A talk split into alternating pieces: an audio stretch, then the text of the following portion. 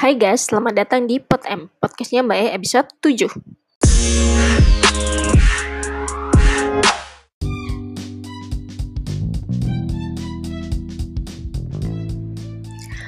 Ya, hari ini gue akan ngebahas mengenai dua hal uh, yang gue pelajari itu menjadi satu topik. Dalam arti gue akan ngebahas Cina dan juga hubungannya dengan pariwisata di Indonesia itu seperti apa, kemudian uh, perkembangannya gimana uh, mereka hubungannya kayak gimana dan lain sebagainya. Nah itu kan banyak ya bu, jadi nggak mungkin gue bahas semua. Mungkin hari ini ya kita uh, di bagian yang A dulu kali ya, atau mungkin nanti episode selanjutnya kita maju ke B dan lain sebagainya. Intinya kita nggak mungkin jadiin ini jadi satu podcast karena itu kepanjangan dan akan boring gitu. Jadi mending kita satu-satu dulu. Yuk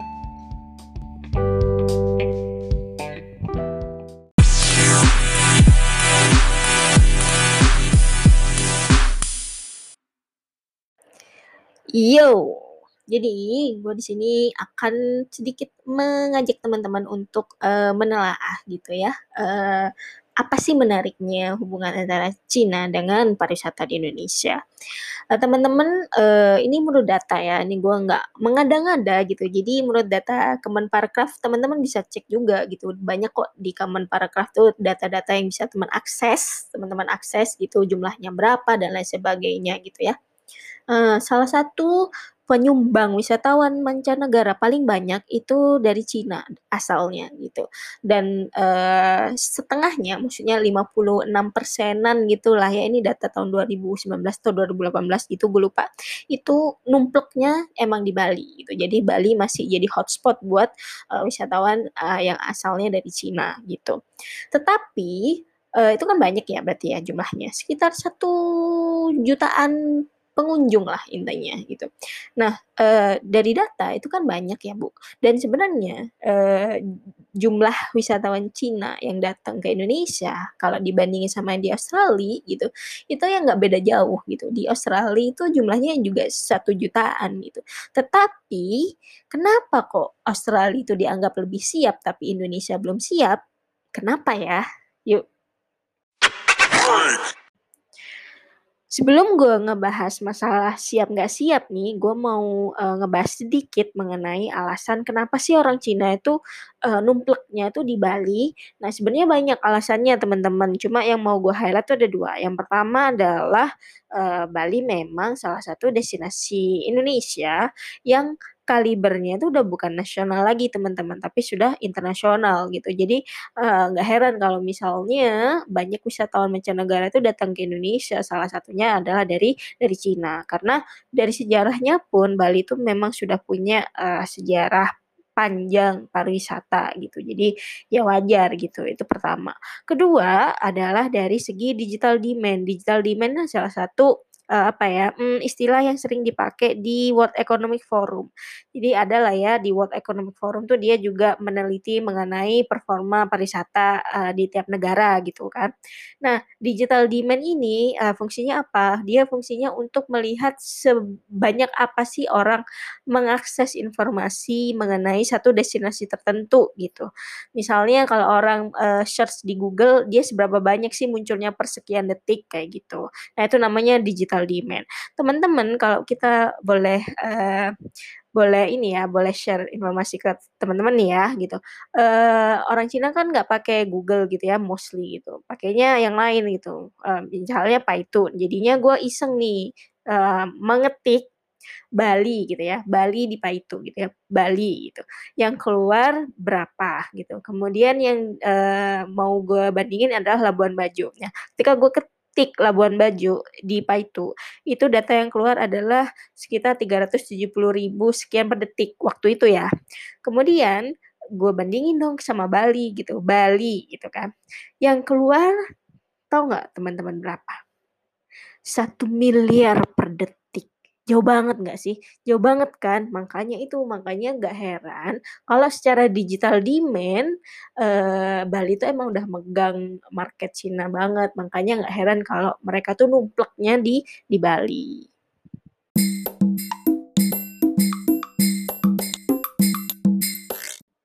Oke, nah sekarang kita balik ke masalah eee, kenapa sih Australia itu bisa dikatakan, eee, salah satu negara yang siap menerima wisatawan Cina, padahal dari jumlah wisatawannya itu nggak beda jauh nih sama jumlah wisatawan Cina yang ada di Indonesia. Nah, alasannya tuh banyak, cuma yang mau gue, eee, tekankan di sini tuh hanya 2 gitu kali ya, oh 3 kali lah ya, oke.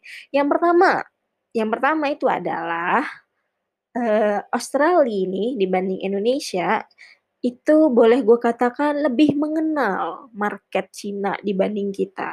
Itu gue lihatnya dari mana?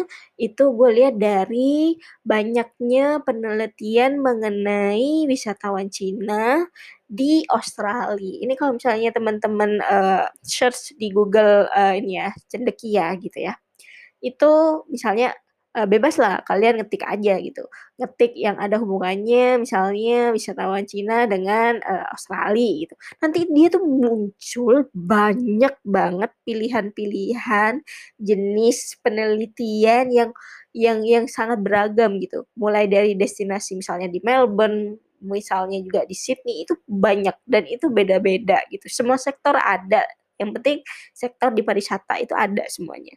Nah, kalau misalnya dibandingin sama di Indonesia, ketika gue search di Google Cendekia, dan dengan kata kunci yang sama, misalnya wisatawan Cina gitu ya, dan Indonesia atau misalnya dengan Bali gitu katakanlah ya, eee, yang keluar itu, eee, sangat terbatas, jadi kayak jomplang gitu loh. Makanya gue bilang, makanya gue bisa berani, eee, berpikiran gitu ya, oh mungkin eee, Australia itu dikatakan lebih siap, ya wajar karena mereka itu sudah punya banyak persepsi, eee, akademis mengenai market mereka gitu. Jadi bisa dibilang mereka kenal gitu, teman-teman.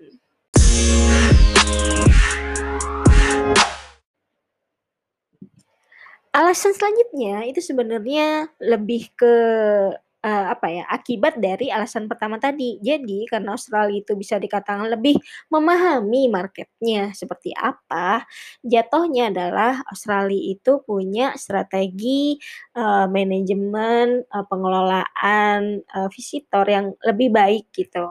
Jadi misalnya dia tahu gimana caranya, eee, apa namanya, eee, membuat itinerary yang orang Cina tuh lebih suka, itu pertama. Kedua, eee, Australia itu tahu di platform-platform digital mana, eee, melat apa ya, meletakkan kampanye-kampanye promosi wisata mereka tuh di mana gitu. Jadi nggak melulu hanya pakai Paytoo aja gitu, tapi udah bisa ngejelasin, "Oke, gue maunya pakai, eee, Red di sini. Oke, gue mau pakai WeChat di sini untuk menarik yang ini." Jadi mereka bahkan udah tahu segmen mana, segmen market wisatawan Cina yang mana, dari kota apa, itu mereka udah tahu karena mereka udah punya datanya gitu. Nah, mereka dapat data itu dari mana? Ya salah satu alasannya dari penelitian-penelitian yang mereka lakukan gitu, teman-teman.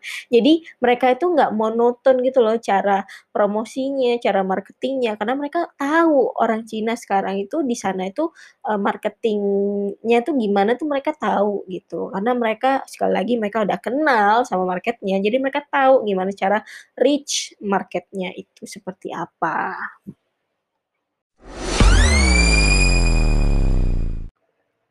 Oke, nah sebelumnya kan kita ngomongin masalah promosi ya, Bo, promosi pariwisata gitu kan. Nah jadi, eee, yang mau gue bahas di sini adalah salah satu cara promosi negara-negara yang siap menerima wisatawan Cina itu, eee, seperti apa. Nah, salah satu yang paling menarik minat gue itu adalah dari kerjasama mereka dengan PH-PH, eee, perdramaan Cina gitu. Jadi gue ini pecinta dracin teman-teman, karena drakor udah mulai apa ya, banyak minat gitu. Jadi gue, eee, agak melipir dikit ke dracin gitu kan. Anaknya nggak mau disamain soalnya agak agak posesif gitu. Oke, itu intermezzo aja. Jadi gini, jadi, eee eee, kayak Australia, kemudian misalnya lagi ada Jepang, Thailand, eee, Perancis, itu adalah negara-negara dengan titel sudah siap menerima wisatawan Cina.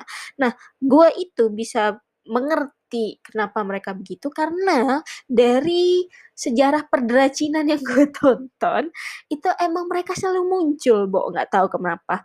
Kadang ya mereka emang settingnya di sana gitu, misalnya kecilnya di sana gitu, terus gedenya balik lagi ke Cina, atau mereka ceritanya lagi liburan gitu.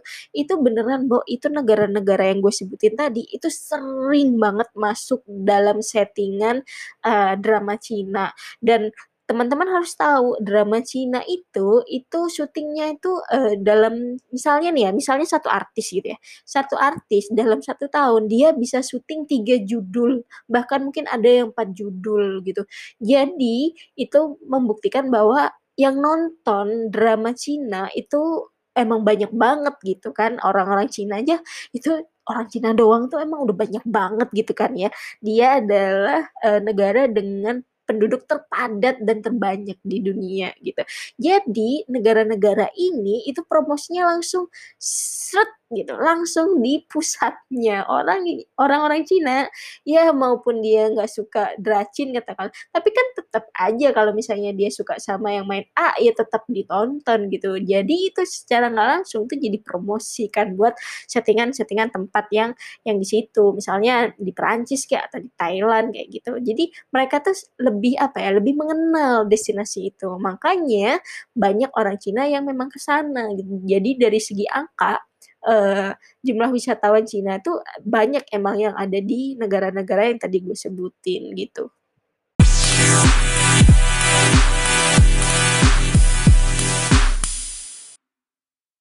Kemudian pasti ada yang nanya nih, kalau negara-negara yang tadi disebutin itu, uh, mereka, uh, free dari masalah-masalah klasik dari wisatawan Cina nggak? Jawabannya adalah tentu saja tidak, problem pasti ada gitu kan. Namanya juga sektor uh, industri yang dijual tuh service gitu, pariwisata gitu. Jadi yang di apa ya, yang di manage itu adalah people gitu ya. Ngomongin people itu pasti ada aja masalahnya. Cuma poinnya di sini adalah mereka yang udah ngerti sama pasar mereka aja itu ada problem loh teman-teman gitu. Gimana kita yang misalnya belum kenal, itu kan problemnya akan lebih banyak dan mungkin akan lebih bingung gimana manage-nya kan gitu. Jadi poinnya di sini adalah kita harus kenal dulu supaya bisa meminimalisir apa-apa yang mungkin terjadi akibat ya akibat market yang datang ke kita gitu deh.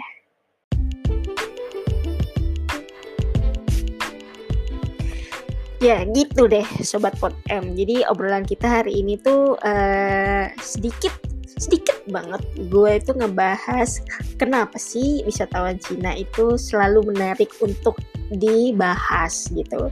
Salah satunya adalah yaitu uh, kita harus kenal market Cina supaya kita bisa mengorganize destinasi supaya lebih siap dalam menerima banjirnya atau kedatangan wisatawan Cina gitu. Jadi uh, sedikit bisa meminimalisir masalah-masalah yang mungkin terjadi akibat ketidaktahuan gitu. Ngerti nggak sih? Uh, biasanya problem itu ada pertama ya karena kita nggak kenal gitu kan sama market gitu. Ujuk-ujuk dateng gitu kan kan. Jadi kita tuh saling nggak kenal. Orang kalau nggak kenal ya pasti uh, potensi untuk uh, konflik itu akan sangat terjadinya tuh lebih mudah gitu kan gitu. Kurang lebihnya gitulah teman-teman sebenarnya cok-cok gue hari ini tuh. Nah jadi teman-teman uh, sampai sini dulu. Nanti kita uh, ketemu lagi di episode-episode selanjutnya. Semoga episode selanjutnya lebih menarik ya topiknya gitu biar uh, teman-teman juga ngebosan dengerin gue cuap-cuap gitu kan. Jadi uh, terima kasih yang sudah mendengarkan sampai detik ini dan semoga kalian selalu sehat. Semoga kalian selalu lancar urusannya apa pun itu. Semoga yang lagi sakit uh, bisa segera sembuh gitu kan. Tetap semangat yang penting sih guys gitu. Jadi oke okay, gue mau nggak mau lama-lama lagi. Gue ucapkan sampai jumpa. Cai chen bye bye